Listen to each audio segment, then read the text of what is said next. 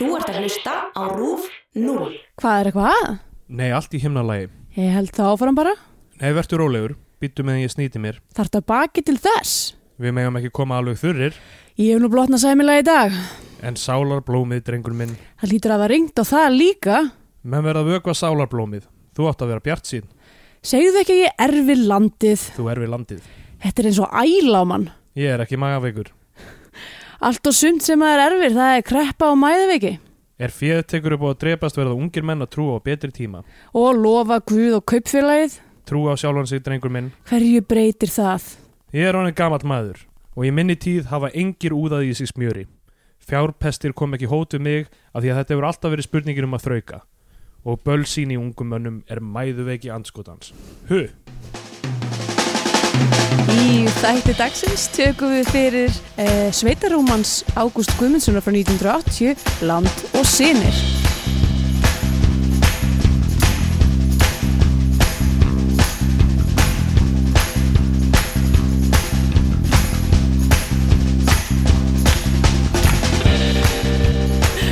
Jæja, eh, verið sæl og blessuð og velkomin í Bíotvíó, hlaðvarpið um íslenska kvikmyndir. Ég heiti Andrea Björk og með mér hér er Steindur Guður Jónsson. Góðan daginn. Góðan blessaðan. Jæja. Jæja.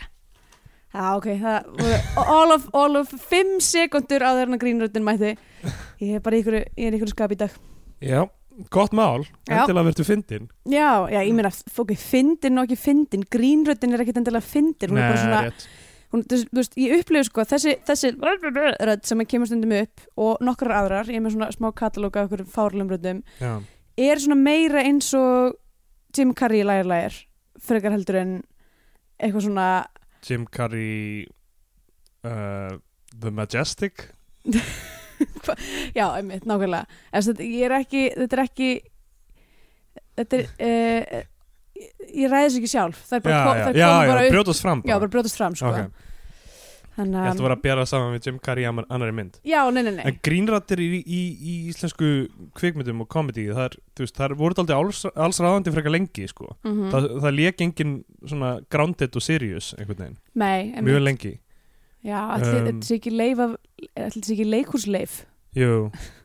Uh, Review leikur einhver svona. Já, einmitt. Nákvæmlega. um, af því að þú veist að oft tekið sem dæmi eins og Leslie Nielsen þú veist að hverju hann virkaði sem gamanleikari af því að hann, hann kom úr bara drama já. og lék bara rosalega grounded og alvarlega allt saman. Allt, allt silly í dótið. Já, og það var, það var mjög ferskur húmor á þeim tíma. Já, algjörlega, svona deadpan delivery bara, já, einmitt. Eins og alltaf í airplane það sem hann kemur alltaf inn í inn í cockpitið og já, segir eitthvað, good luck, we're all counting on you þegar flugvelin búin að rapa já, og já, já, einmitt. eitthvað, kemur eitthvað þrísar Anna- gott rule of threes líka í þeirri mynd já.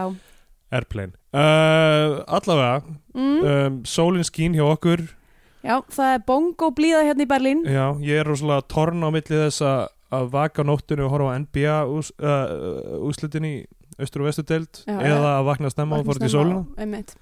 Já, uh, mér finnst þetta að vera nóbrænir en Uh, ég er svo sem er ekki jafn invested í NBA og þú? Nei, gaman, að, gaman að horfa svona stöku leik og, og, hérna, og sjá hvernig strákvöldu mínir hafa það en uh, en, uh, en ég, ég er ekki fara að vaka á nóttunni til þess að hérna, ná þessu. Sérstaklega ekki þegar þetta er svona mikið sjúin eins og, já, já, eins og hjá Warriors. Já, já Við sjáum, það var, uh, já, þetta er, eins og podcast í Karvan hérna Já, heyrðu, einmitt, okkurlega, Uh, Það maður ræða hvernig Warriors gengur í Vestudeld og Úslandum einmitt. um, Nei, Hérna, ef þú þurftir að fara í sleik við einn í Warriors liðinu, hver verður það? þetta er góð spurning Mjög góð spurning. Um, hmm, Sko Curry er náttúrulega mjög sætur. Já, hann er góður strákur sko. Hann, Já, er svona, hann, myndi aldrei, hann myndi aldrei fara illa með þig nei, nei, hann, hann lítur ekki út fyrir það. Nei, um, hann svona er guðurrættur og hérna Ég myndi fjölskyldumæður. Ég myndi vel eitthvað svona djúft á bekknum eins og, þú veist, ég myndi velja Sean Livingston eða, eða Patrick McCaw. Þrjú svo góður í sleik. Já, þetta er rosa góður í sleik Vá, hvað þetta er áhugavert. Hvað myndið þú velja? Já, góð spurning sko. Sko ég, ég, ég hef eiginlega uppáhaldsleikar maður minni voru sér Draymond Green. Já, en ég held ég myndi ekki vilja fara í sleik við hann. Ég myndi bara vera, vilja vera vinnur og vera, vera bara svona að fara að djammi með honum og svona, vera eitthvað að grínast sko. eitthvað að trolla fólk á Twitter saman og eitthvað. Ég held að hann var mjög gaman að hanga með honum. Ég veit ekki alveg hvernig ég myndi fara í sleik við sko. það er ekki gott að segja. Nei ég eiginlega, ég veit ekki af hverju en ég einhvern veginn svona líti á alla, alla NBA-leikmenn sem ég held upp á sem bara svona vini mína ekki, ekki eitthvað svona, eitthvað sem ég myndi banga.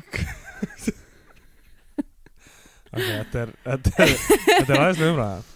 Já, um, allavega ég glemdi Andri Iguodala, hann er, hann er sætur. Já, hann er svolítið sætur, ég myndi kannski fara í sleik við hann.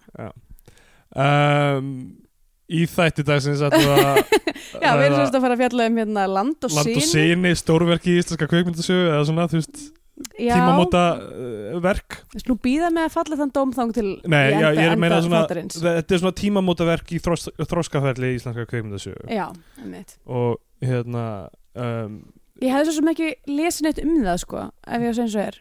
Nei, þetta er uh, um, ég hef bara oft hirt talað um hana Já, svona, eins og hún sé þú veist, ég veit ekki hva, hverju á að líka þetta við erlendis frá eða eitthvað, þú veist, einhver svona mynd sem bara já, ok, núna tók uh, greinin eitthvað þroskaskref. Já, já, einmitt, einmitt já, um, ég dættur ekki hug einn sérstök mynd einmitt núna? Ég er að hugsa þetta í einhverju svona samhengi við, þú veist, hip-hop eða eitthvað, þú veist, er þetta þú veist, hvað fyrsta Public Enemy platan eða, já, já, einmitt, nákvæmlega. Þú veist, ekki eitthvað eitthvað, eitthvað sem er alg, algjörlega virkar en þú veist en, er, samt en er svona eitthvað, já, núna fullorðnaðist aðeins. Já, mynd er áhugavert skrif í einhverja Já, átt a- allt rapp hætti að vera um eitthvað svona hei, ég er aðeins herri en vinir mínir en ég er samt rosa hress. Svo, já, ég hugsa alltaf bara um Rappers Delight. Já, ég veit að Rappers Delight er náttúrulega þú veist í, eða, þú veist, ég veit ekki ég upplifi þetta sem eitthvað svona novelty dæmi sko. alveg 100% eða, þú veist, þetta er bara svo mikið eitthvað þetta er svo mikið eitthvað dúbi dúbi dúbi dúbi dú eitthvað, algjörlega, er svo lúðalegt. Mjög lúðalegt rapp þú veist, byrja bara eitthvað hip hop a hippie to the hippie to the hip hip hop and you don't stop. Ég verða við ekki hana, ég veit að þú hefur púlað þetta en ég, mér finnst alltaf sko ótrúlega pínlegt þegar um, þegar hvít fólk í Karugi er eitthvað, ég ætla að rappa ég ætla að taka rapplag ætla, ég, ég er góð í að rappa og tekur svo fucking rappers til light og maður er bara, sko, er þetta það sem þú kallar að rappa? mér til varta þá hef ég ekki eitthvað svona áður en lægið koma og verið eitthvað hei, ég ætla að rappa, ég er góður að rappa. Nei, ég, er ekki, ég er ekki að segja fólk segi það actually, en það er eitthvað svona þú veist, það er svona upplifir það að það sé að taka bold choice í karaoke lagi já, já, það er ekki mínu upplifun ég, það er bara svo innilega ekki og það er líka bara svo, off, hvít fólk að taka rappustu læt, sko, já, það er eitthvað við það sem að mér já. finnst alveg, það er bara eins og mér finnst líðan sem sé að horfa hóki póki eða eitthvað.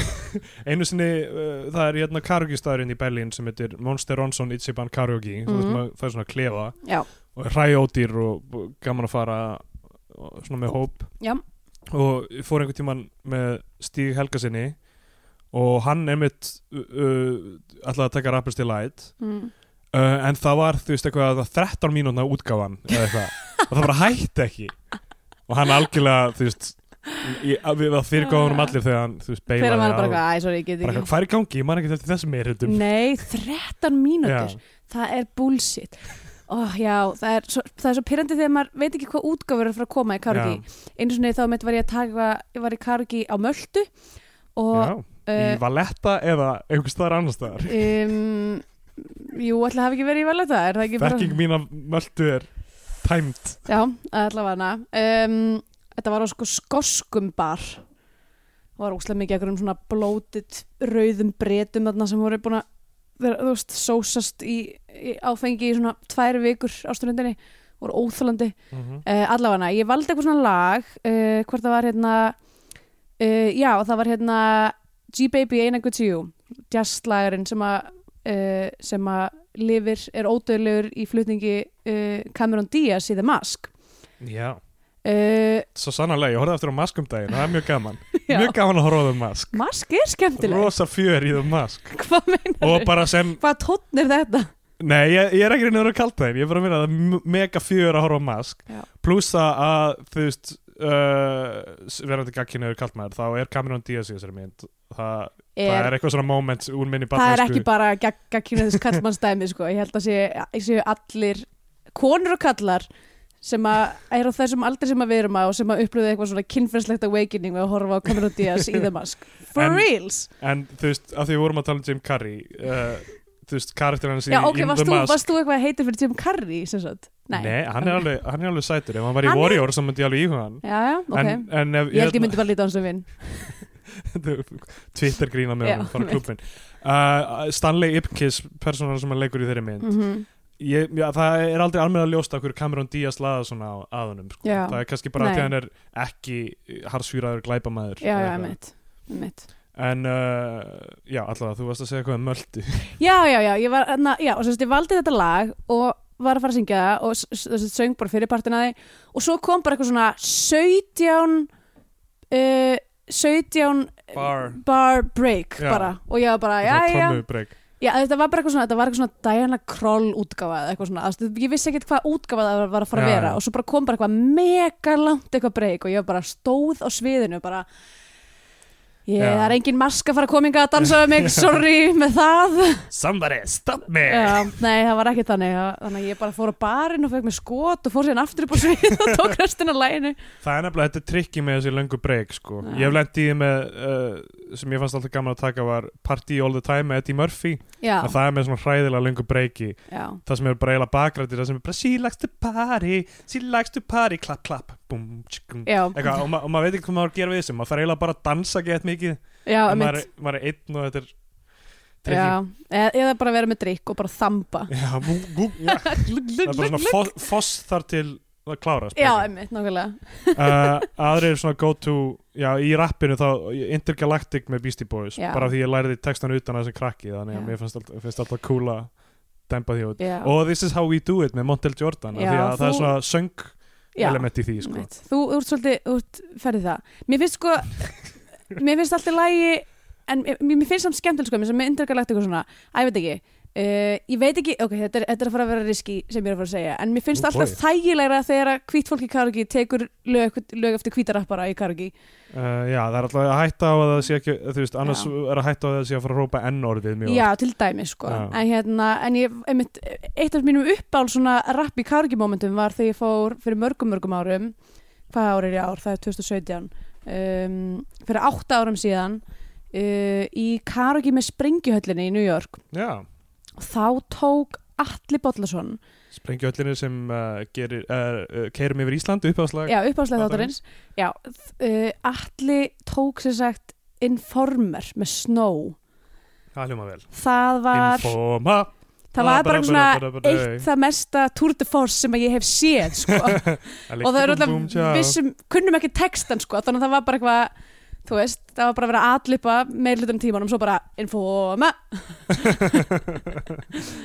og hann var alveg skoppand af húsgögrunum sko, það var mjög fyndi uh, gott, gott stöf sko. Já, það, það hljóma vel. Já. Þetta er, þetta er s- skemmtilegt. Ég, Mér skrítið akkur mér finnst karaoke skemmtilegt að nei, ok, ok, kannski er ekki skrítið af því ég, ég á mjög erfitt með Eurovision ég var sína á laugat, síðasta laugardag þegar við tókum þetta upp mm það var Eurovision úrslutkefnin og ég var fenginn til að vera með stand-up, það var verið að sína keppnina og það var svona stand-up fyrirfram -hmm. það sem uppistandarnir í rauninni áttu að vera þú veist, í karakter sem fólk frá einhverjum þjóðernum Já. sem er að taka þátt og, og, og ég á mjög erfitt með svona þjóðernis grín það er svolítið cheap það, er, það er rosalega mikið low hanging fruit Já. yfirleitt sko.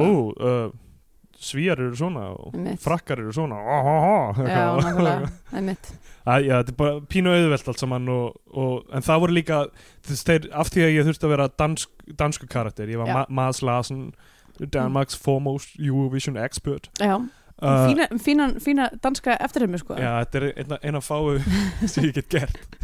Ok, Uh, já og þannig ég þurfti að setja inn eitthvað um Danmörk og það fekk allt mjög mikil hlátur Já. en svo allt þegar ég fór í eitthvað svona materiál þá bara eitthvað svona uh, eitthvað, já var enginn tilbúin að hlusta á það eitthvað allir hæpaður fyrir Eurovision en já, pointið mitt með Eurovision Ég var, var ég, það samt ekki líka svona erfitt eitthvað að hann veri heimsbygginemi?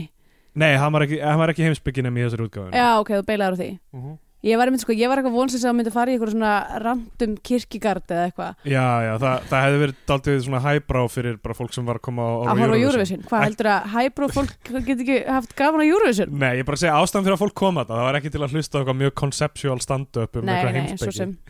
uh, Allavega uh, all, all, sko, Eurovision, ég hef alltaf átt mjög erfitt með það um, og ég, ég hef verið að fara í Eurovision party á Íslandi ár eftir ár eftir ár og mér er alltaf svona, ég hef alltaf farið bara í slæmt skap og, og mér hef ekkert haft mjög gaman að þessu Mm. og sem ég bara ákvað fyrir einu, tveimur árum að bara svona fjarlæga mig úr þessu bara eitthvað svona, ég ætla ekki að vera að fara í party af því ég er bara örgleitt skemmtilegur fyrir annað fólk Nei. og, og, og þetta er bara ekki Þú veist, Eurogrins. Já, ég er alveg Eurogrins og það er líka eitthvað svona fín lína þú veist, þegar fólk er að horfa á Eurovision það er að grínast með þetta sem er á sviðinu eitthvað, þarna er asnalegu dans eða þú veist, Mm. fyrðulegu búningur eða eitthvað þannig yfir í eitthvað, þetta er allt sem er mjög leiðilegt. Og þá bara, nei, heyrðu, þarna fórstu og langt. Af því að, þú veist, það má gera grína einstaka atriðum en svo verður maður að fíla hinn eða eitthvað svona. Þetta er Já. einhver balans sem ég aldrei fundið og, og ég ætla bara að halda mig frá þessu. Og þarna, þú veist, bara af því ég fekk borga til að mæta vera með eitthvað uppistand Mhm. það, það voru líka mistök ég hefði bara átt að halda mig frá þessu Já, já, mitt. Já. Já, ég meni, ég hefði örgulega haft gaman að þessu, sko. Já, Það getur bara bent á mér næst. já bendið því næst af því að, ég- sko, og svo var ég líka semi-valinn fyrir útlit mitt af því að hann vantaði eitthvað Scandinavian hunk Hvað er það að segja? Ég get ekki verið Scandinavian hunk. uh, Jú, með, ég meina ef maður kallar konur hunks Já, já, þú veist. a hunk of, a hunk of meat Já, já, nei, ég held ég hefði samt örgulega 100% farið í sænska, Já, já, sænsku, sænsku gæluna, sko. já, Ég meðum nó, nóga efni þar, sko. Það var einhvern tímann, ég var að gera uppstand fyrir ekki svo lengu og það var rosa mikið að svíjum í, í sem, sagt, sem voru í árundarsönum og þeir voru, á einhverjum tímapunkti var eitthvað sem var eitthvað að segja eitthvað svona, eitthvað, is this eh, þú veist að þið segja þetta share. Shit, já. share og chart og hérna. If you look at the chart you will see. Ógeðslega fyndið. Og mér, það, það var svo ég var svo nálagt í að fara bara eitthvað að rústa þessu liði. En ég ákvað að það var ekki það er ekki húmórin sem ég vil gera. Nei, en það var, það var fristandi af því að ég er ennþá með eitthvað svona uppiða reyðið frá því að hafa búið í Svíþjóð. Það er bara, þetta er opið fórum, þetta hlaðvarp fyrir því til að til þess að ræða út að hvena sem er. Ræða, tala um ræða þetta hérna flaming hot pile af, af hérna, cognitive dissonance sem er, er svíþjóð. Uh, ég, ég meina einn daginn þá ég kannski bara, æ, ég veit ekki, kannski enda ég bara að gera stand up um þetta, Já. þarf þarf að koma sér frá mér. Allavega, herru, já, við erum hérna til að tala um land og síni, einmitt. Um, um, önnur ágúst uh, mynd Ágúst Guðmundssonar í röð. Við tókum ófeg gengur aftur í já, síðustu viku sem er einmitt. töluvert Vá, öðruvísi. ok, himin og haf á milli þessara tvekja mynda. Sérstaklega þá kannski út af því að mér finnst handritið í land og síni er alls ekki svo slæmt. Nei, nei, alls bara ekki. mjög gott og fallega skrifað Já. og hérna á meðan að handriti í ófegur er þú veist steaming shit pæl sko. Bara, þannig fara nú sömu já, ég, ég er bara ennþá síðan. í þessu bara, en samt í alvörinni það, hvernig myndir þú lýsa ófegur handritinu? Bara eitthvað svona bara um, eitthvað, svona röng hugmynd frá upphafi til enda mm. hvernig, hvernig það var nálg nei ég er bara að tala um þess og bara samtölinn og svona. algjörlega. Þau eru bara fáránleg sko. Um, en en allavega. Land og Sinri, þetta er svona, já, þetta er mjög snemma í, í íslenska þetta er kvikmyndasögu 1980 Já. þetta er 8 árum fyrir fókstrót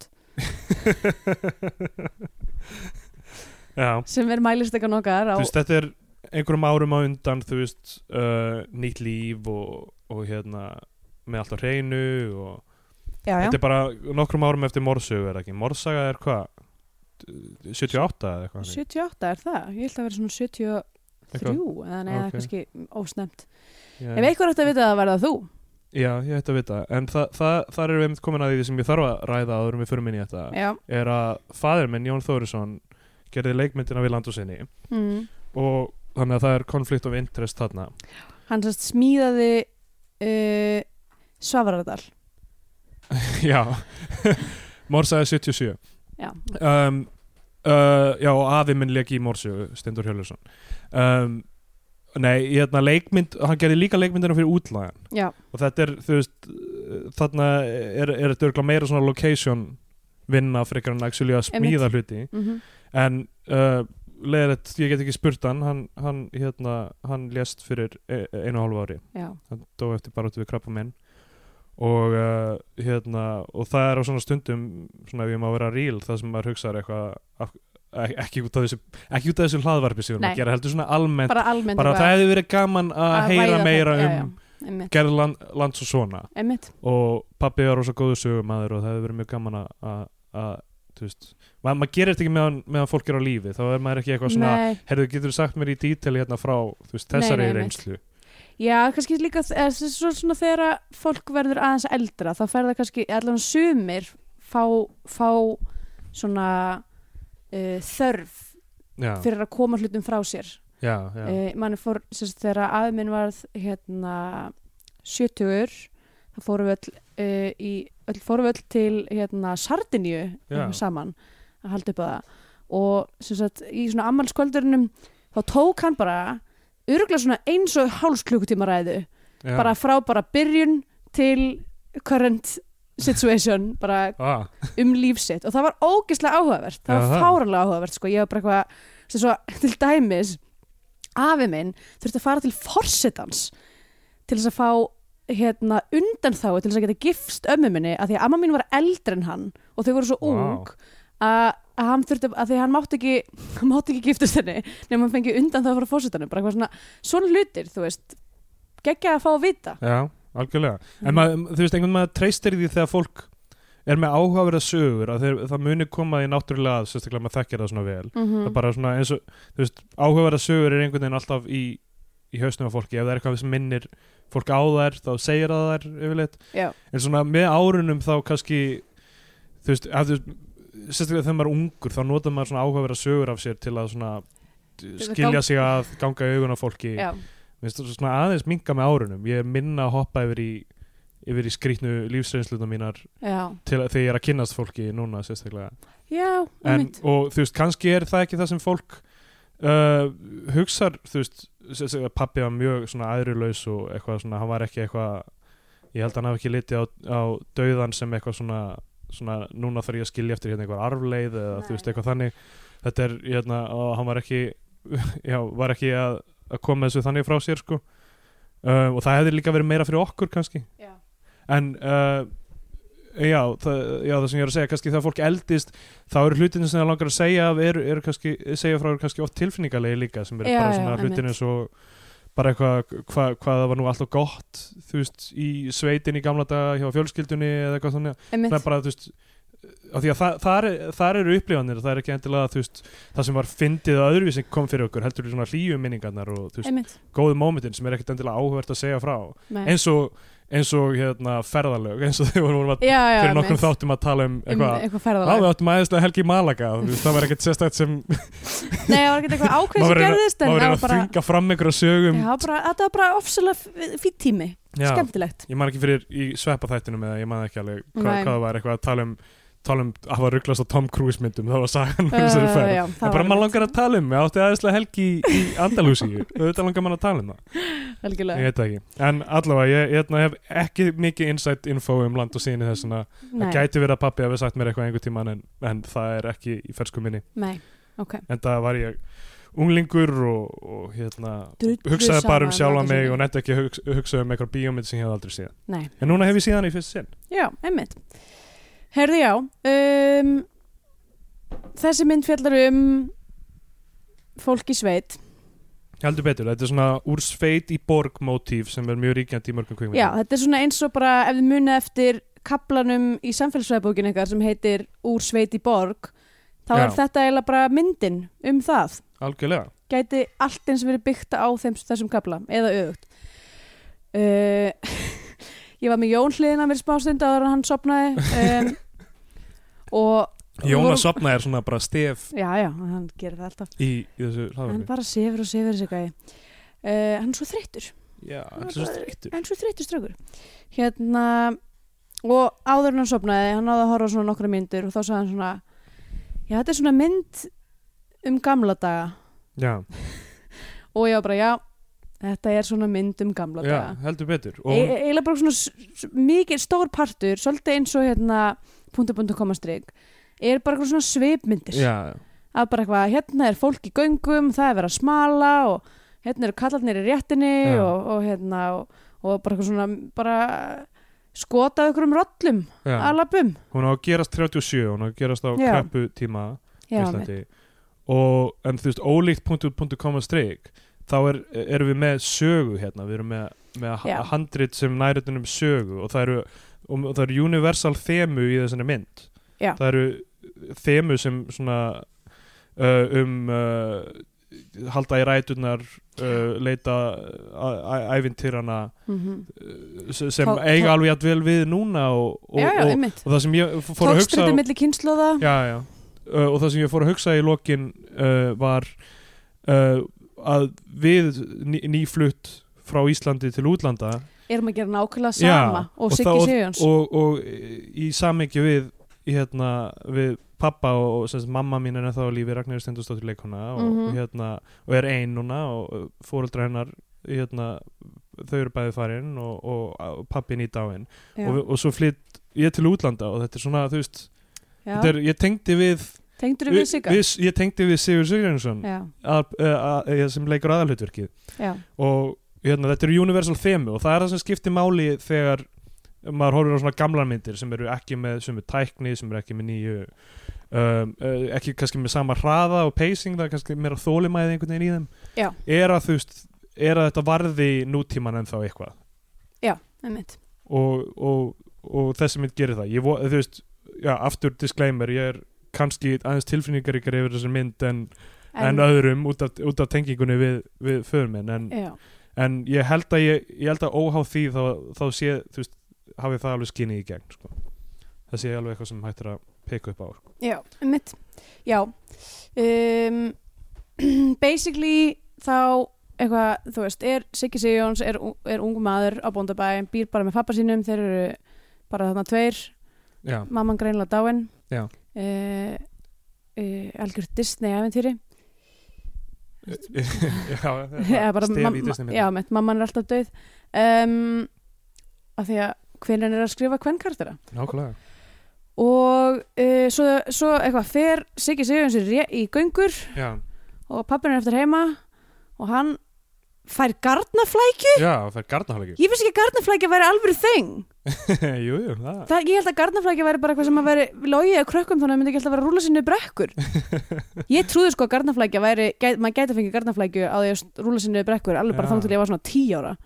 Ég veit ekki, síðan kannski voru læknavísindin ekki komin nógu langt 37 til að þú veist, og, og ég, ég meina afinn er, þú veist, hann er þarna bara eitthvað í, nei, ja, pappin segi ekki afinn.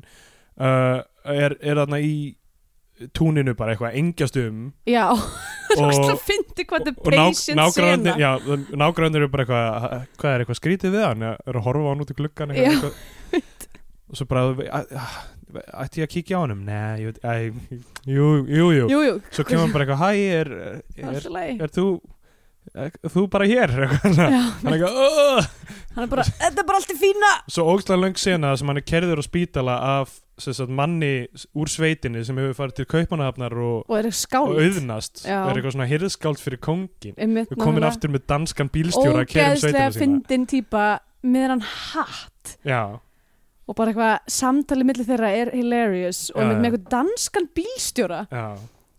Bara hátindur velistinga vera með danskan bílstjóra.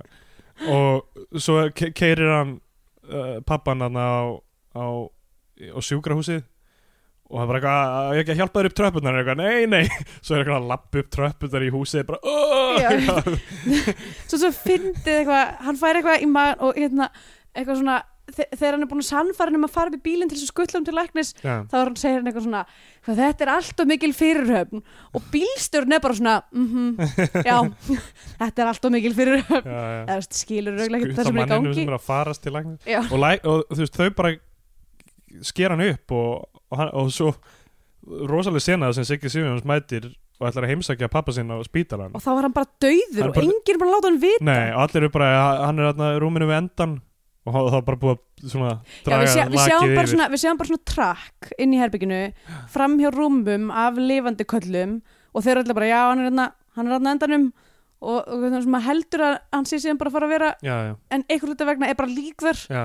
Það er ekki búið að færa líkið eða neitt. Það var frekar stert sko. Það var vel, vel gert í rauninni einhvern veginn svona kreatífu leið til að já, einmitt, til að byggja eitthvað sus- suspense og svo mætir hún hérna Margaret Helga og er eitthvað svona, það er ekki heimsagna tími núna.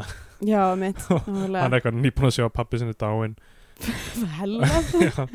en við fórum þetta hratt inn í, í sögutræðin af því að sem sagt, uh, fyrst er löng sena bara sem að hann og pappi hans eru veist, eitthvað að vinna á bænum já, og spjalla saman og það er svona almennar vangaveltur um, um samtíman og veist, eitthvað svona kaupfélagið og, og kreppuna og borgina og sveitina og eitthvað. Og svo svo er eitthvað kind sem þau eru með. Þeir eru með heimalning. Heimaling sem er eitthvað, já, erum við ekki að fara að skera hana? Oh, og pappin segir, ekki segja það svo hann heyri. Ég veit, ég var bara eitthvað nei Ó, ég var líka, ég var að viðkynna, ég var smá stressuð með þessa mynd að ég vissi að það myndi vera mikið af sætum dýrum og, ég, og bara eftir, eftir hérna, Börn náttúrunnar, náttúrunnar, það sem þá að- var ég bara Strax- lífið úr hund. strax svo ég en bara fóð með hundin fyrir aftan, aftan hlöðu og skautan um, að þá var ég bara strax svo ég svo hundin var ég bara, ó nei. Já. Og Ég- ég- ég- hafðu hljótt hjarta mitt ég held að þið var að fara að drepa þessa kind í mynd sko. ég var bara, Já. ó, þetta er að fara að vera eitthvað svona sem við lítum aftur á sem bara já, þetta er bara ég var sko stressuð með það kind. allan tíman Já. að það væri, það væri eitthvað að fara að drepa kind í mynd eða, eða eitthvað, bara eitthvað dýr sko já, en við sjáum það sko, heimalingurinn hann er skorinn á háls já. Um, en það eh, klippa burt eða kameran fyrir frá sko. já, kameran fyrir frá en við bara sjáum það að hann er að fara að skera hald. Sittna meir, þegar það er verið að sl- slátra öllum, öllum hérna rollunum, að þá er notuð hérna uh, það sem er kallað er ekki kallað uh, hel, helgríma. Helgríma, já. Já, það sem að sett eitthvað svona apparat ofan á andlitið á kindinni og það er svona nagli í miðjun á grímunni já, og svo bara, bara nelt hella Úff. sitt sko. Uh. Þetta, örugglega- er ekki halal slátrun En það hefur örgulega, ég veit ekki hvort það hefur pappiðin eða eitthvað, eitthvað sett, settresir eða eitthvað sem hefur verið bara, við verðum að koma þessu inn í myndina. já, pappi um eitthvað verðum að nota þessa helgrímu Já, þetta, er sko, þetta, er, það? þetta er til dæmis, uh, það er sapgripur á þjóðmennsafninu sem er svona, svona Já. helgrima og hérna, það hefur örgulega verið að veist að þetta er ágerast hvað 37, 37, já. 37 að vera svona eitthvað, ok, við þurfum að, við þurfum að nota hérna, því það er byggða söfnum um all land sem eru bara kúfulla eitthvað svona drastli já. bara eitthvað geggja að fá að nota það í eitthvað það verður verið gaman að það verður verið gaman að að hanna þessa mynd Og, bí, sko. og bílarnir þarna oh my god, þessi bílar. fucking geggjaði bara mér lókar að segja bara svona tímodel sem er búið að byggja viðar hús utan á það er bara svona, þú veist ennþá bara vélinn og allt það og dekkin, þú veist, í rauninni bara beinagrindin er ennþá greinilega, er af einhverjum öðrum bara svona gamall bíl Já. og svo er bara búið að byggja eitthvað svona viður hús ofan á bílinn og þú veist, og kerru aftan á, Já. þetta er bara svo klikka lúk á þessum bíl, Það E37 það er ro- rosalegir eh, líka rútan já, mitt, og hérna náttúrulega fínu bílinn sem hérna Ríki kallin er á. Mitt Þetta, eh, það er mjög skemmtilegt alls saman. Já, Uh, bara mjög. og bara, þú veist, mér, mér var oft mjög bara þólimóður yfir skotum af, veist, einhverjum dölum og já, ám mitt og, og hestum og kindum og eitthvað svona. Eitt Um, sem að, sko, ég veit ég veit að þetta er, það hefur kannski bara ekki verið komin þessi þekking eða hefð á Íslandi en tónlistin verði ég viðkjöna fór svolítið í töðuna mér. já, veist, við opnum á eitthvað svona fallega þú veist, eitthvað geggjaðan dal og eitthvað svona náttúrlífskot og eitthvað og það er bara eitthvað svona, það er bara eitthvað fagott sóló já, yfir, geggjar langt bara eitthvað og þú veist, eitthvað Siggi var úti. Já, bara Siggi Uh, var úti. Svo er líka Stef. unga ásti mín okkur í einhverjum svona tilbreyðum einhverjum svona jazz tilbreyðum við vorum, ekki að tala um þetta síðast að þetta hvernig þú veist soundtrackin í þessum íslensku myndum er alltaf bara hey, fáum einn einn gaur til að bara græja þetta Já. dæmi En mér finnst bara, já, nákvæmlega, það er rúglega verið bara einhver einn gæi sem var að Já, þú svona- sér þetta Já, en, en málið er bara einhvern veginn það sem að, þú veist böggar mig er að þetta þú veist, þessi, þessi stíl af tónlist eh, liftir ekki upp Nei. neinu sem er að gerast, skilur þú veist, þetta er bara svona hjákallegt hvernig á ég að taka þessa mynd alvarlega sem Já. er eftir allt saman með tilturlega alvarlegum þemum Mhm. uh, þú veist, ef það hefði verið bara einhver, einhver fallegir strengir eða eitthvað skilur, eitthvað sem að þú veist talar fyrir þú veist náttúruna já. og mannlegar tilfinningar og eitthvað, þá hefði þetta verið svo miklu betra sko. það er alveg hárið sko. um, um, en já, hérna ok, dýr sem deyja af því að sko það er hestur traðka niður hund þegar þeir eru í göngum já um, og það brjótast út einhver slagsmál. Brjótast slagsmál út af því að, út af því að hérna, þessu hundstík var eitthvað hún var alveg vaðandi upp á mann og annan og, Já. og er eitthvað að böggast hún er auðvitað bara eitthvað að reyna hérna, narta í hérna, hælana á, á, á hrossunum og auðvitað bara breðast til við eins og, eins og við erum búast. Og, hérna, og hún bara, það er, svo, það er svo áhugavert að því hún bara svona einhvern veginn bara svona er bara eitthvað að hlaupa og svo bara blð, dettur hún á hliðina. Og ég er bara eitthvað, hvernig fenguðu hundin til að gera þetta? Já, það er ekki engin slæm saga um það. Nei, mitt kannski þess að sem pappi var ekki búin að segja mér. Nei, bara, mitt já, bara. svo myrkaði ég lífið úr hennum hundi. Já, ég maður brjóta rifbeinin í honum þannig að hann myndi svona geta lappað en samt Boy. deyja. Já, ég skoti. feina að það þurfti ekki að koma þessu frá sér þú veist, á í dánarbyðinu eða eitthvað. bara eitthvað, bara ég verð að segja þér. Ég drap hund í þá listarinnar. Já. Uh, já, var ekki þetta var ekki svona kathólsk þú veist, kathólski síðustu dagar það sem hann þurfti að koma frá sér syndur Já, nei, mitt uh, oh boy. Uh, allavega, hérna um, já, og svo skýtur Siggi Sigurjónsson hest. Já, sem að ég skildi ekki hvað var að gerast þar. Var þetta bara eitthvað svona moment þar sem var bara eitthvað það getur engin annar átt en hann hest þannig að hann verður að deyja frekar en að fara eitthvað annað? Ég held að þetta hafi verið eitthvað svona thematíst fyrir að slíta tengslum við, við sveitina. Af hverju gæti hann ekki selt hestin? Hann Þetta var fallegur, Já, fallegur fákur. Hann segir held ég á einhverju tímabúti eitthvað ég get ekki, get ekki selt hann þannig að en, En- það er líka gæði sem spyr já, já, hvað ætlar ekki að selja hérna, hvað heit hann aftur? Uh, já, ég hann heit eitthvað sem er á jóð. Jörli Jú- Nei, hann heit eitthvað svona jökull eða eitthvað líka. Jörli er blanda af sörli eða ekki sörli er eitthvað er það ekki eitthvað hesta jörli er ekki til. Jörli er ekki neitt.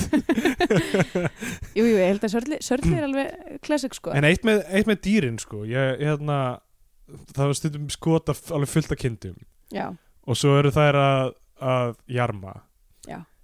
og ég, ég fór að hugsa getur verið að það sé einhver fóliartisti sem er að gera bara hljóðin fyrir kindum jarmið. Sem er bara bæ!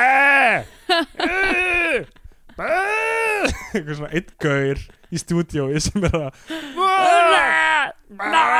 af því að stundir hljómar þetta svo mannlegt. Já, ég veit það. Ég er ekki að fá, er þetta einhver bara gaur sem er bara að reyna með bara fullan munn af þú veist, bara tróð hei ok, ég verður hugsa um einhverju ætu en jú, jú, hei, þriður fyrir sér hei og sé bara um, Ég er ekki gott að segja sko. Ég meina það er alveg að taka upp hljóð af Þú veist, það er þetta fólía það? Þú þarft ekki, ekki að leika Þú veist, þú getur alveg já. tekið bara upp. En er það ekki, byrju, er, eru sjá fóliartista líka um að fara í vettvangs? Ég get ímyndað mér það, Já. já Því ég held að það verður bara með, alltaf með einhver svona plastfilmu og Já, bara alltaf, alltaf, bara alltaf eitthvað inn í Álpappír. svörtu herbyggi með eitthvað svona melónur og eitthvað. Já, líka alltaf þegar maður sér fóliartista sem Já. er, já, fyrir þá sem veit ekki mikið um kvikmyndir þá er það fólki sem gerir þú veist, þessi hljóð, þú veist, og bara dyrnar í Star Trek að opnast, þau eru bara, þú veist, það er blað úr að fara umslagi. inn og úr umslægi Já, vuft, vuft, eitthvað svona Mér svona, Eh. kannski frægasta svona það sem maður sér oftast er eitthvað svona þegar það verið að setja eitthvað í, í gíotín og þá er eitthvað skorin, Sling. það er skorin vassmjöluna eitthvað, klonk. Og þú veist, eins og í byrjunin á Holy Grail það sem er með kókosnetur í staðin fyrir. Já, nokkulega uh, hest uh, en já, af því að maður sér alltaf bara fóliartista í svona, þú veist, þegar maður sér það í sjónvarpu eitthvað svona, þá er það rosalega stílisera sett Já, einmitt, það er að setja eitthvað svart backdrop. Já, þeir eru alltaf í svartri Já. rúllegraði peysu eins og þeir sé eitthvað í mynd. Já, eru, Nei, þeir eru bara artistar, já. er þeir í rúllegraði peysunni að, að vera að hefja þetta upp miklu meira en margar aðra listgreinar einhvern með að stílisera vinnu aðstöðuna þú veist, þegar maður sér eitthvað málmsmið Já, einmitt. eitthvað svona Hann er ekki- er í rúllukrafapeysu. hann er ekki í rúllukrafis Já, um, ég hugsa alltaf eitthvað, á, það er geggja að vinna sem fóliartisti. Já það hl- hljómar eins og skemmtileg vinna ef maður getur fengið hana. Já, uh, ok, svo hérna verðum að, já, bara ræða þú veist, bara um því sögurþráðin er síðan það bara hann að taka ákvörðinu um að fara úr sveit mhm. og, og fara í, flytja í bæinn, selja allt sem hann á og borga upp skuldina við kaupfélagið sem er engin pressa á að hann borgi, hann tekur fundarna með Magnús Ólason í á kaupfélaginu. Geggjað samtal. Mjög flott. Bara það er bara svo finn, þeir eru bara svo ógeðslega fyndnir Já. í, eða þú veist, ekki fyndnir en bara þetta er svo fáránlega eitthvað skemmtilegt að fylgjast með þessu því þeir eru bara eitthvað svona þú veist, það er pattstaða á milli þeirra. Já, og þeir eru, að, ég veit ekki, kannski bara því að ég hérna, þú veist að því ég var í sveit og hérna, og ég man svo vel eftir þessum típum sem tala bara svona mattur af fakt út og oft í ykkurum gátum eða þú veist, einhvern veginn bara talandin er bara svo áhugaverður eins og bara eitthvað þú veist, og þeir enda samtala eftir að hafa farið svona fram og tilbaka mjög rólegir eitthvað uh, um bara, þú veist, eitthvað, já, þú þarf en það er, það er engin, engin kuð að borga þetta og hann er eitthvað svona og svo eitthvað svona, segir hann eitthvað svona já, eða þú veist, en hérna, og hvað eitthvað, hann trúi bara ekki á kaupfélagi runni já. og hérna, pappans hjálpaði við að koma því á fót og já, en núna er það bara eitthvað núna, þú veist, er það bara eitthvað vera að selja lakrís og eitthvað, ég veit ekki þetta, ég man ekki Já, nákvæmlega já, hvað já, var já, sem hann var í samtalinu sem var eitthvað svona, hann var eitthvað óanað með það. Það hlutir þarna, það er örugglega eitthvað sem svona það færi ekki að byggja upp sveitina heldur Já, bara já. eitthvað að selja lakrís Já, eitthvað við hefum örgulega getað að pikka upp á meiru svona ef við værum ekki svona ung. Já, nákvæmlega. Og þá, og þá endar hann bara samtalið á að segja bara það er annar handlegur, blessaður. Já, já, hann bara bara ég ætla ekki að fara í þá sálma, verður Já. sæll. Æ, bara ógustlega fyndið. Og er, veist, bara, já, og þetta er að gera upp við sveitina til að geta flutt í bæinn. Og Já. hann skýtur hestin og hann, hann veist, selur jörðina og, og borgar kaupfélaginu og allt saman. Mm en svo kemur þarna Ransonis, Já, plan. Já, já, er það ekki er ekki eitthvað gott íslenskt? Skráveifa eða eitthvað þannig. Það er eitthvað, það er aldrei skráveifa sem kemur. sem er hendi í, í, hérna í uh, gýr, gýran hans. Já.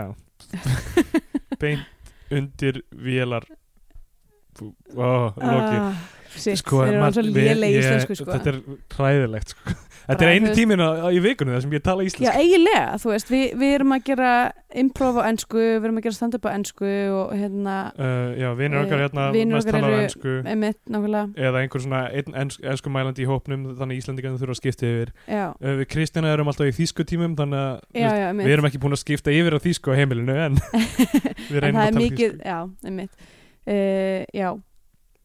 Hérna Allavega, við byggjumst afsökunar á þessu uh, algjörlega. Land og sinir en samt ég reyndar sko, ok, ég er kannski að verða léleri í íslensku en ég er svolítið mikið að pæla í íslensku samt þessa dagana. Já, eins og bara þarna, síðan síðasta þætti ég var að tala um handskóna. Já Eh, það var mjög, mjög áhugverð og, og ég var að pæla í núna, ég, ég var að gera eitthvað svona gera eitthvað svona visual sko það sem að mér finnst áhugavert þetta beint tengist hönskunum sko af því ég fór að hugsa um vettlinga. Eru, Já, vettlingar eru kannski þá íslenskara orð heldur en hanski? Já, handskór, handsjúa, hand, skór fyrir hendurnar. skór fyrir hendurnar Handskar. einmitt, en, hérna, en vettlingur er kannski þá meira svona frum, frum íslenskt orð Já, uh, ég veit það samt ekki, en allavega út frá því fór ég að pæla, er ekki klikkað að vettlingur og kettlingur rýmar og kitten og mitten já það er rýmar styrlað dæmi, sko. hvað er, er, en er þá einhver tenging milli mitten og kettlingur og kitten og vettlingur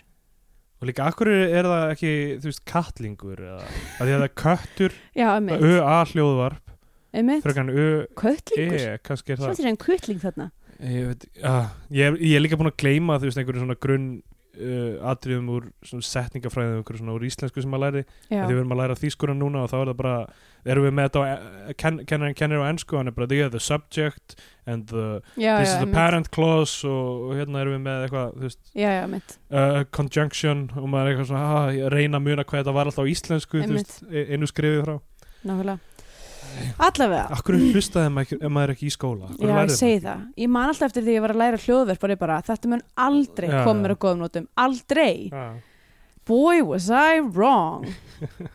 E, já, allavega. Um, og já, skráveifan svo já, er, Er- Margrét heimasætan á næsta á bæ. næsta bæ sem að einmitt uh, fór og kom, kom hérna föðurans til bjargar þarna á, á já. vegakantinum leikin af Guðni og Ragnarsdóttur og, ég kannast svo mikið við hana, eru við búin að horfa okkur aðra mynd sem hún er í? Ég var, var einmitt að veltaði fyrir mér. Það var með eitthvað svona kunnlegt andlit mm en uh, í- já, já nei, við höfum ekki séð hann í neittni annar mynd. Hmm. hún var uh, í Gemsum 2002 já, og í Rétti 2 sjónaseríunni 2010 ok. Ég kannast ekki kann, ég, ef hún er sviðsleikona þá verður það einhvern veginn mm. farið fram hjá mér kannski er hún í einhverjum auglýsingum eða eitthvað gæti verið en hún er, hérna og ég verði að segja bara þessum tímúti hún og Siggi Sigurjóns finnst mér bæði bara rosa góð í þessari mynd Já. bara, þau eru bara lifa sig inn í karakterina vel þeirra, og, þeirra samtöl líka eru bara Já. mjög náttúrulega og flott einhvern veginn og ok, oh my god, líka þegar þið hittist, hittist þarna, hann sést fyrir göngurnar og það er svona eitt sem ég er að fatta núna sem er, mér finnst gott touch er að á meðan hann er í göngunum þegar þú veist, gista þarna í einhverjum, í einhverjum hérna gangnaskála og eitthvað, og er bara eitthvað lengst upp í fjalli hann er eini ungi maðurinn af öllum, Já, það er já. bara gamlir kallar með honum uh, og svo koma þeir nýr í réttina og hérna smalin er í rétt og það er Margrét uh, og þau eitthvað hérna, er eitthvað að spjalla og þeir eru svona að lappa úr réttinni og ég var bara freeze frame. Ég er viss um að ég hafi séð auglýsing frá Geysi já. sem að leit nákvæmlega svona út. Það var fullt af römmum í þessari mynda sem ég var bara, þetta er rosa kunnulegt allt saman. Já, og bara, Og- og, fötin samt sem þeir í bara, þetta er bara fucking þú getur bara arka inn á, á hérna, inn í Geysi á skólaursti og bara dressaði upp eins og, eins og bara nákvæmlega eins og í þessari mynd. Þannig að, ég veit ekki, ég bara, mér fannst þetta bara mjög áhugavert að þetta var bara alveg eins og, þú veist, bara, bara alveg eins og Geysi Sölusing og hún var með þess að með eitthvað svona fucking blátt ljósblátt berei. Þú veist, þetta var bara svona hæ? hún er svona, þú veist uh, útitekin, einhvern veginn Einmitt, eitthvað svona ljósliða geislar hár. af þeim og hérna. Og sko þeirra þau eru svona alltaf að spjalla og maður er eitthvað svona, já, þetta geti orðið eitthvað. Og svo eru þau að balli og Siggi Sigur sem bara út í hotni bara eitthvað full meðan hún er að dansa með einhvern mann eða þú veist, hann er ekki full, hann er bara eitthvað svona þetta er ekki, þetta er ekki fyrir hann. ekki þetta er ekki hans sena. já, og hérna svo farið þau að ball saman einhvern tímann og dansa skottís líka. Já.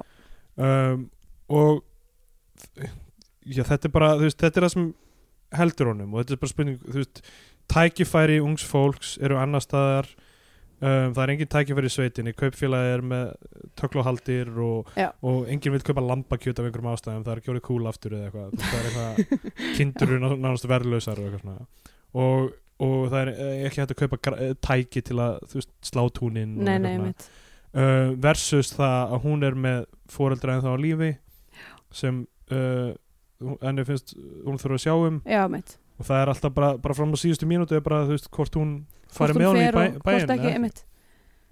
Að mér var svo fallegt, hún sagði okkur um tímapunkti eitthvað svona þau eru bara hrætt eða eitthvað líka. Eða þú veist, þau eru eitthvað svona hrætt við framtíðina.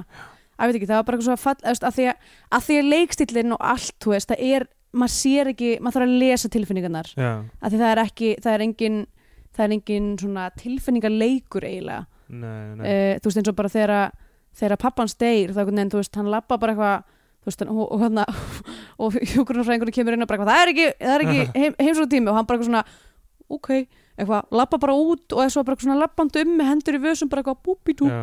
Svo eitthvað. kemur hann inn til hennar og hún er eitthvað, er eitthvað að, þannig eitthvað, nei. Já, eitthvað- en þú veist, en málið er þetta er svona sko, eða þú veist, mín upplifun allavega í sveitinni er að það er enginn að tala um tilfinningar sína sko, Já, þannig að það er mjög þú veist, það er ákveði það er vanda verkarinn að koma sér til skila einhvern veginn, en mér varst það mjög fallegt moment þar sem hún var bara eitthvað, við skulum ekki kýta, þau eru bara hrætt og eitthvað. Já, já. um, en já, en svo endanum þá hérna, hann selur öll húsgögnin sín og dripur hestinn og hérna, Já, og og hann pak, segir- pakka se- saman. hann segir, hérna, þegar hún spyr hann akkur drástu hestin, það, hann segir ef maður fer, fer maður allur. Já, hann, finnst það hann, hann er búin að tengist þessum hesti einhverjum, Já, hann, bara, hann er bara að slíta tilfinningarnar en það Já. eina sem hann vil halda í er, er hún. Og hann, þú veist, vill að hún komi með sér. Einmitt. og það er þarna senan það sem það senan það sem hún kemur til hans það sem hann er að heia með kaffi og pönnukökur. Já, og svo fyrir Og þau- eitthvað að ríða fara- bak við heistak og, og svo búm með kattaði yfir í bara harmoníkutónlist og Já. skottís það er ógeðslega gott. Það var ógislega fyndið, þetta er eins og svona næstu þess að bara svona vita að þetta sé eitthvað svona þú veist, æ bara eitthvað, fara boinga fyrir aftan heistak og svo bara og hérna uh, ég velti fyrir mér, síðan er gaurinn með harmonikuna upp á sviði að spila fyrir uh, allar með þeirra að dansa. Já, og voru, voru harmonikuleikarar á þessum tíma svona eins og superstar plötusnúðar nú til dags? Í, já. Já, Nei, kannski ekki alveg, en þú veist, en það var alveg, þeir, þeir fengur örgulega, feitt að ríða út á, út á harmonikuna, sko. allir að dæla í það á kókaini já, og nefntobaki Neftum ekki. það, já. það var eitthvað moment að, að, að því að pappinar leggin af Jóni Sigurbjörnssoni tekur neftóbak í göngunum og það Já. er ekkert mikið tala um það hann fekk sér neftóbak eitthvað, og svo er hann fullur einu sinni og þetta þetta er það er, eitthvað það er bara fylgir það er fylg, gangur hann sko já, og uh, svo sem sagt er sko þegar hann samferðir hann um að koma með sér í borg þá eru þau þarna inni og, og þau kissast mm hund, svo kliftir á hundin við, með þetta geggja dæmi. Þetta er geggja dæmi. Það kliftir bara hundurinn við, við lappirnar á hans og hann rúllar sér einhvern veginn alveg í heila ring með þau eru að kissast já og svona, svona, svona legg, leggur svona loppirnar einhvern veginn yfir þau og uh, hérna er bara greinilega, hann er bara eitthvað ok, það er sexy time að fara að gera sérna og svo eitthvað svona bakka þau inn í herbyggi og hann er bara ég með! Já, og, eitthvað, og þau loka trínið á honum. skella trínið á honum. Og mér, þetta var eiginlega fullkomið skot Já, þetta var bara þau eru að fara að taka hérna stökki yfir í nýtt líf og þau eru að segja skilið við þú veist, sveitina. Já, og skella bara á hundin já, og, og hann, hann, og hann er líka, þú veist, Siggi Sigurðans er allan tíman eitthvað hérna, að já, uh, þessi hundur ég verð líka taka hann með eitthvað, já, hann er ekki tilbúin til þess að skjóta hundin sko. Nei, en svo endan hún gefur hann hundin hann, já, hann, það var, það var, mjög, gefur, það var mjög heppileg, heppilegur endur hann var komin hann á gistaheimili þar sem hann ætlaði að hitta Margréti og var með hundin og mér var þetta svo slæsamt hjá hérna svona, Já, mér hefur alltaf langað í nýjan hund. Segir þetta bara svona eitthvað æ, þú veist, ég myndi alveg hafa gaman að eiga hund, hvað, ætlar að taka hann með þér í bæinn? Getur hann búið þar, bara eitthvað. Og hann gefur henni hundin og þú veist, hann er búin að slíta á allt tengslinn á þeim tímapunkti og er bara tilbúin að fara upp í rútuna. Mm og svo er náttúrulega, þú veist, bara komið að mómentinu hvort, hvort þú mætir eða ekki. Einmitt. Og uh, já, og það, þú veist, og það og myndið var miklu sterkari fyrir viki að hún, hún skildi ekki koma sko. hann er Já, að horfa yfir dalinn hann er að horfa yfir agrana eitthvað aðtöga hvort, hvort hún er síðan eitthvað stærri fjallega og hún kemur ekki og hann bara fyrir í hann rútuna. fer í brútuna og kerir í burt. Já, og það var myndin búin. Já. Um, og það er reynda daldið að flashbökkum í þeirri senu sem er pínu skrítin. Já, eitthvað Veistu, svona ég, eins og, ég held að bara svona áhorfandanum er ekki treyst fyrir því að muna að hún hafi sagt hún alltaf að hitta hann hjá gistuhúsinu já, já, já, þannig að það er eitthvað flashbackað í að hún er eitthvað við getum hist hjá gistuhúsinu einmitt. sem að var, að ég veit ekki það e, lélegt já, já það, þú veist, það var óþarfið það var rúta að koma þarna, það var, þú veist einmitt, það var að örgulega hægt að leysa það með einhverju öðrum hætti en, já, já, en þú veist, nákvæmlega þetta er bara svona já, bernska íslenska kvikmyndagerð eða kannski bara gott einmitt. ef það var ekki eitthvað svona í punktu punktu koma strik eitthvað svona skrítið flashback í lógin eða eitthvað ég man já, ekki. jú, jú, jú, það var eitthvað Það- hann, það var jú, skrítið. það var, hann var að hugsa um stelpuna sem að dóða þarna já uh, já og það er endur eitt sem ég langaði að nefna það er hann uppbóð áður en þú veist, það er verið að bjóða upp alla munin hans. Mhm. já, og það er eitt gaur í uppbóðinu sem ég finnst það er bara fullt af gaurum að bjóða í einhvern uh, hvað er þetta? Hef, hef, hef, hefilbekkur já, hefilbekkur já, ah, já hefil, hefilbekkur til þess að hefla spýtur á. Já. Að, að ég bara allt í hennu var ég eitthvað að fá og ég búin að gleyma öllu í einhvern veginn tengslu við land mitt og tungumál. Nei, ég er maður einskis land. Hefilbekkur er til, það er hlutur sem er til. Hefilbekkur, ok, gott. Og það verið að bjóða hann upp og það er einhver ma maður sem er eitthvað já, ætli ég get ekki látið mig hafa 15 krónur? Og svo er eitthvað búið þess áfram eitthvað 16, 17, 18, 19 já, ætli maður get ekki látið sig hafa 20 krónur? Eitthvað ætli maður get ekki látið sig hafa eh, 25 og 50 öra nei, nú er ég búinn. Þetta er svo gott. Eitthvað svona rule of threes comedy dæmi já, þessum gaur sem er ekkert meira í myndinni annað en að vera fyndin gaur á uppbóði ég held að hljóti hafa verið einhverja svona, þú veist, við gerðum þessara myndar verið, þú veist, e, fólk hafi unnið í einhverjum svona karakterstúdíum, þú veist, að, bara svona uh, finna, eða svona, finna sér uppáhaldstýpuna í manns, manns einn heimasveit og vera bara, ég ætla að leika þennan gæða og vera bara eitthvað í method bara einhver Stanislavski í, í þorpinu sínu eitthvað að leika þessa típu alltaf gera fjölskyldinu sína brjála já, nefnir, nákvæmlega. Gá, ég er undirbúið mig fyrir kvikmynd. Þetta er, ég má ekki brjóta karakter fyrir en, fyrir en Ágúst Guðmundsson hrópar and that's a rap. Að því hann myndi pottet segja það en ekki uh, tökum er nú lokið. Þetta er vefja. Tökum er lokið að, að, að sinni. Nei, þetta er vefja, þetta er Þetta er- tortilla vefja. It's a rap. Oh. Æ, úff, boi, ó, boi En ég var allan tíman að leita einhverju svona anakrónisma í myndinni eitthvað svona, hvort ég sæi eitthvað hvort pappi hefði klikkað skilja eftir eitthvað svona uh, eitthvað Casio úr Síma. Nákvæmlega.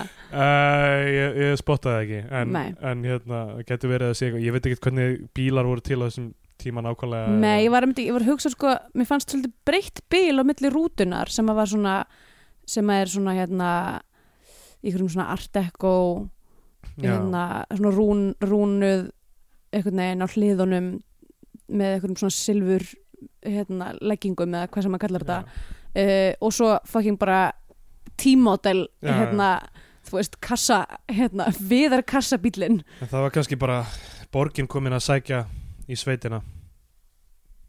Um, borgin að sækja hérna, með aðeins nýri tíma já, einmitt, Rútan. kannski var það bara við, viljandi gert. Já. hver veit allavega uh, eigum að vinda okkur í, í bara Scandinavian Pain Index. Yes, skalan það sem uh, við reynum að uh, meta, já. Við erum ekki með jafn smúð frasa til að koma okkur inn í þetta segment og í næsta segment. Nei, einmitt. En- kannski bara já, já, ok, nei, ég held að þið fuggflóið á gluggan en Guð, það er sorglegt. Já, Hérna, Uh, já, við erum svona ég myndi, ok, það, það er sérst Scandinavian Pain Index er, reynir að hérna, að uh, henda reyður á í rauninu hversu svona vel myndin fellur inn í þessa uh, sterku skandinavisku hefð að fjalla um eimd og volæði og hérna, og bara, þú veist um, Sifjaspell og ángist, ángist tilverunar Já. um, og ég myndi segja að þessi mynd sé svolítið svona hún er svona pró, proto-SBI já, af því að hérna, þegar hún er gerð þá er kannski þessi hefðir ekkert ótrúlega mikið þróið nei, ég meina um, englar alveg nei hérna ekki, ó, hvað er ég að fara að segja? Uh, um, börnátturinnar já, er hvað 92 eða ekki, já, það er 12 nokkur, nokkur síðar. 12 árum síðar. Um, en það er samt alveg þú veist, ég meina bara tal, þú veist, hvernig fólk talar.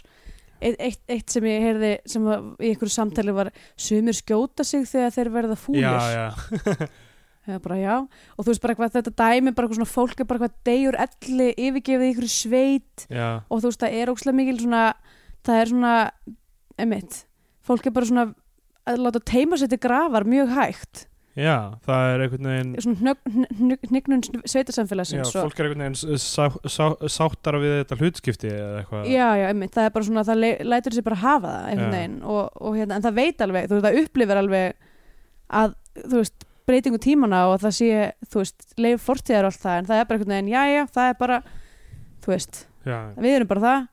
Og þú veist, og svo eru aðrir hlutir sem eru mjög klassíski svona SPI eins og bara mjög mikið fyllibittum uh, þú veist, já. að fara að boinga bak við heisóttum svona, og líka bara eitthvað svona skjóta eitthvað dýr, dýr það þú veist, en náttúrulega bara tenging manns og náttúru er ótrúlega Já. stert stef í, í svona, það er a- sérstaklega íslenskt SPI stef myndi ég segja já, já. að þú veist maður og náttúran og, og tókstriðan milli mannsins og náttúrunar og, og það kristallast svolítið mikið í þessu hérna, hann, hann verður að drepa hestin til þess að yfirgefa sveitina og hérna og þú veist um, þannig að ég myndi segja hún er alveg sterk sko, hún kannski þú veist uh, hún er miklu lástendari, það er miklu meira gert út á harminn og, og, og volaðið í svona nýrri já, ný, nýrri SBI neglum eins og Brim til dæmis það sem er bara eitthvað sjálfsvíg og fólk er einhvern veginn grænjandi og bara Já. fyrst þú nefnir Brim þá hérna, fengum við uh, nefndu þetta í síðasta tætti já, með ljós, oh, ljósabekkin já. ég man ekki einu hvað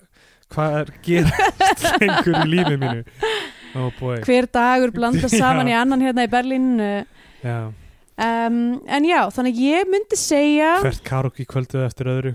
Uh, ég myndi segja að uh, þessi mynd fær frá mér um, ég ætla að segja 12 af 15 helgrímum. Já. Ok.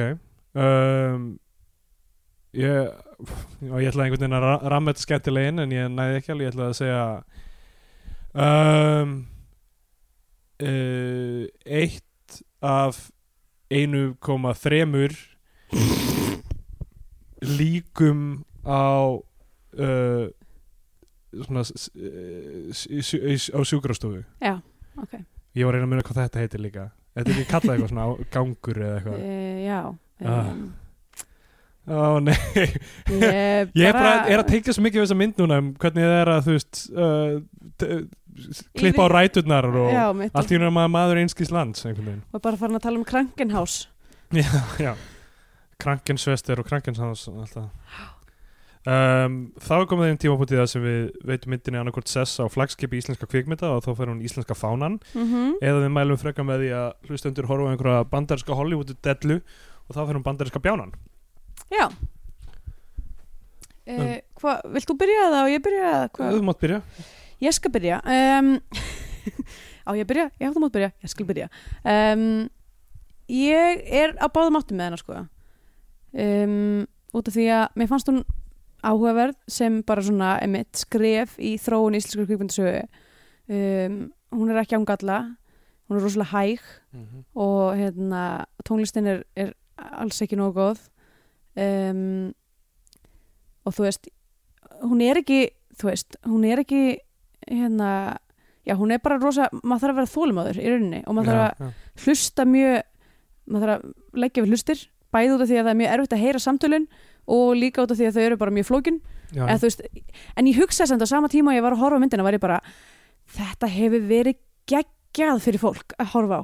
Já, 1980, þú veist, fólk sem að kannski er, þú veist, eins og afi sem Já. man þetta. Og þú veist, honum hefur bara þótt geggja að horfa á bara, þú veist, það var eitthvað svona gegg, ótrúlega löng skot af eitthvað svona, þú veist, smölun já, niður eitthvað fjallslíð og honum hefur þótt þetta bara ótrúlega skemmtilegt að horfa á. Og hérna, og ég skil vel að hún sé ástsæl í minningu fólks um, þjóðarinnar. Og þannig að ég er svona ég er að báðum áttu með þetta. Ég er, er ekki búin að ákveða mig. Vá, uh, ok. En Viltu uh, ég, já, vilt þú kannski Taki- ég væri til heyra, ég til já. að heyra þín rauk og svo get ég þá um, kannski ákveða mig. Já. Um, ég, ég nefndi það að, ég, að það veri kannski eitthvað tilfinningalegt bæjas hjá mér mm að horfa þessa mynd. Um, og og ég ég man ekki alveg hvernig útlægin er ég sá hann einhvern tíman en ég er ekki viss, viss um að, að það bæjas myndi ég er bara býðum að við tökum- útlægin en ég er ekki viss um að það bæjas mamma er í henni líka. Já, ég er ekki viss um að það myndi samt ná að setja hana á flagskipið eins og ég man eftir henni. Um, en þessi mynd af því að það eru þessi universal þemu í henni sem eiga við um hvaða tíma sem er Mhm. pluss svona mitigating faktor svona, að þetta er mjög snemma í íslenska veist, 1980 í bandaríkjunum voru að koma út Empire Strikes Back já, já. Airplane sem við nefndum á þann já, þú veist, allt, þetta er bara allt annað dæmi í gangi. Að, og, og þetta er náttúrulega byggt á uh, skáldsögu Indriða G. Þorstinssonar um, og það er alltaf sérstaklega fyrir uh, óreindan kvikmynda gre- geira erfitt að flytja skáldsögu í, yfir á skjáin af því að þú veist náttúrulega í, grunninn sem er kannski fárvöld að segja það upp átt af því að það er, það er einhvern veginn svo augljóst en stundum þarf maður að rifja það upp að í skáldsögum þá er hægt að tala um það sem er gangin í hausnum á fólki. Já, en á, á, á kvikmyndatjaldinu þá ge- getur ekki verið að því. Það, það er já. overreaching einhvern veginn að vera með eitthvað voice over eða eitthvað þannig. Oft. Um, nema, nema þú sért adaptation já, já, nema þetta sé alveg specific já, adaptation alltaf gerir í því að brjóta já, reglum emitt, sem er, sem er svo geggjað við þá mynd. Um, en það, já en þ- þannig, að þetta er, þetta er erfitt uh, á, á þessum tíma að gera einhverja frábæra íslenska kvikmynd sem er að fara að vera frábæra um allan tíma. En bara út af þessum þemum þú veist, og út af, út af leiknum sem er góður og mér fannst alltaf þessi þólimóði skot svona einhvern veginn á náttúrunum mér fannst þau aðeins svona huggulegrin í mörgum öðrum íslensku kvikmyndum einhvern veginn. Um, þannig að ég myndi klárlega að segja hún eigi heim á flagskipinu. Um, hún er ekki endilega eitthvað sem ég myndi mæla með við fólk að horfa á nema að það sé sérstaklega áhuga samt um íslenska kveikmyndasögu mm. ekki frekar en ég myndi mæla með við þú veist uh, ég meina það, þú veist eins og Shakespeare þú veist, verk er ekkert þó, ég meina það eru klassísk þem og allt þannig en það er ekkert að fara að vera svo mikið fjör fyrir þú veist, ungt fólk eða eitthvað endilega mm. horfa á einhverja klassíska uppsetningu á Shakespeare Nei. ég veit það ekki, sko þetta er, þetta er en, en af því að það, já, af því að þessi þemu eru til staðar og af því að hún er vel leikinn og, og falleg og einhvern veginn einlæg líka Mhm. þá finnst mér hún verðskulda íslenska fánan Ok Já, ég hérna ég fór líka að hugsa þess sko um, myndi ég horfa á, þessa mynd með einhverjum vinnum mínum sem hefur áhuga á Íslandi? Ég held ég myndi mögulega gera það sko. Uh, kannski mest megnast bara þess að reyna að útskýra þú veist að því bara hérna, svona hvaðan, hvaðan við komum og hvaðan allt þetta svona, þú veist, svona þjóðar einhvern veginn sálin já, og frá hverju hún sprettur. Veist, hvernig er þetta að útskýra hvernig við sem þjóði erum í dag uh, þú veist, fínt að horfa þessa mynd til þess einhvern veginn. Þetta er svona ágætis, ágætis hérna um, hvað myndi maður segja svona me- menningasögulegt uh, lítill gluggi. Já. Um, Það er líka örgulega bara áhugavert fyrir útlendinga að segja bara já þarna var Íslensk kvikmynd gerð 1980 á meðan varum við að gera Blues Brothers og The Shining og, já, nákvæmlega bara, þetta er eitthvað allt annað sko. já, jáfnvel gæti fólki þóttu bara áhugavert sko. þetta er allt öðruvísi þetta er miklu meira þú veist, ég myndi segja þetta að vera miklu meira svona uh, skilt evróskri kvikmyndagerð heldur en bandarískri sko. En já, ég held að ég, hérna, ég held að ég verði eiginlega að gefa henni íslenska fánan bara svona, að því að mér fannst, mér fannst ánægilegt og hún líka vann á mig, sko. Þegar hún byrjaði og byrjaði með þetta fárlega fagott þarna. Og ég var bara, hvað, er, þetta, þetta fara að vera komastrík dæmi, Já, já. bara eitthvað svona, eitthvað svona algjörlega innihaldslust drasl sem er bara eitthvað svona svipmyndir af sveit. Uh, bara svo, þú veist, einhver hafi náðu svo filmu í runni já, já, um, en svo vann hún á hún var- vann mjög mikið á og í lokin þá var ég bara þú veist já, bara haf, hafði tilfinningar fyrir, fyrir, fyrir hönd hérna aðalsögu personuna begja og þú veist, og hugsaði um þú veist, var að pæla í þeirra þeirra ströggli og, og sikkura arkinu og bara hún já, bara já, hún vann á, þannig að ég ætla að gefa henni líka íslenska fannan læsilegt mm um, Ágúst Guðmundsson aldeilis Bara redeems come- himself. comeback ársins sko. eftir ófeik gengur aftur Já. þannig að, já, þetta er hérna Þetta er áhugavert, við erum að fara la langt fram og tilbaka í íslenska kveikmyndasögu, þetta er eitthvað 23 ár Mhm. hann á milli, sami leikstjóri og handlisumveitur, algjörlega ólíka myndir 100% ólíka myndir. Ekkert CGI í land og sinir Nei, og engin, draugar. engin latti engin latti, það er náttúrulega aðalmálið. Eiginlega, engin sko, pældi ég að latti hefði verið í latti sinum ef hann hefði komið og bara lattað eins upp þessa mynd. oh, oh, ég vil ekki svona hugsa um það.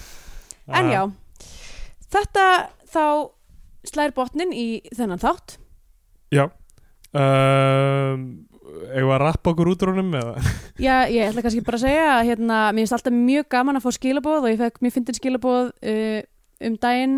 Þess að við fengum sem sagt í fyrra dag eða í gær uh, þess efnis að það var maður sem var næstu búin að keira aftan í steipubíl uh, að því að hann hérna hann var svo mind blown eins og ég var líka þegar ég fattaði þetta með, með hérna Handsjúi og handsjúi en mér finnst bara mjög gaman að, hérna, að heyri fólki þannig að endilega senda okkur skilbúð á Það- Facebook Var hann Veigar Eða- sem sendi okkur það, var það ekki? Jú, Veigar, einmitt uh, og eða Twitter.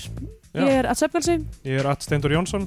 Og já, bara er hip hop. Að hippidubbi, hippidubbi, hipp-hopp, You don't stop the rocket to the bang bang. Boogie. Say up jump the boogie to the rhythm of the boogie to beat. Now what you hear is not a test. I'm rapping to the beat, and me, the groove, and my friends are gonna try to move your feet. You see, I am Wonder Mike, and I like to sing hello to the black, to the white, the red, and the brown, the purple, and yellow. But first, I gotta bang bang the boogie to the boogie. Say up jump the boogie to the bang bang boogie. Let's rock. You don't stop, rock the rhythm that'll make your body rock. Well, so far you've heard my voice, but I brought two friends along. And next on the mic is my man Hank. Come on, Hank, sing that song. Check it out, I'm the C-A-S-N, the O-V-A, and the rest is F-L-Y. You see, I go by the code of the doctor of the mix, and these reasons I'll tell you why.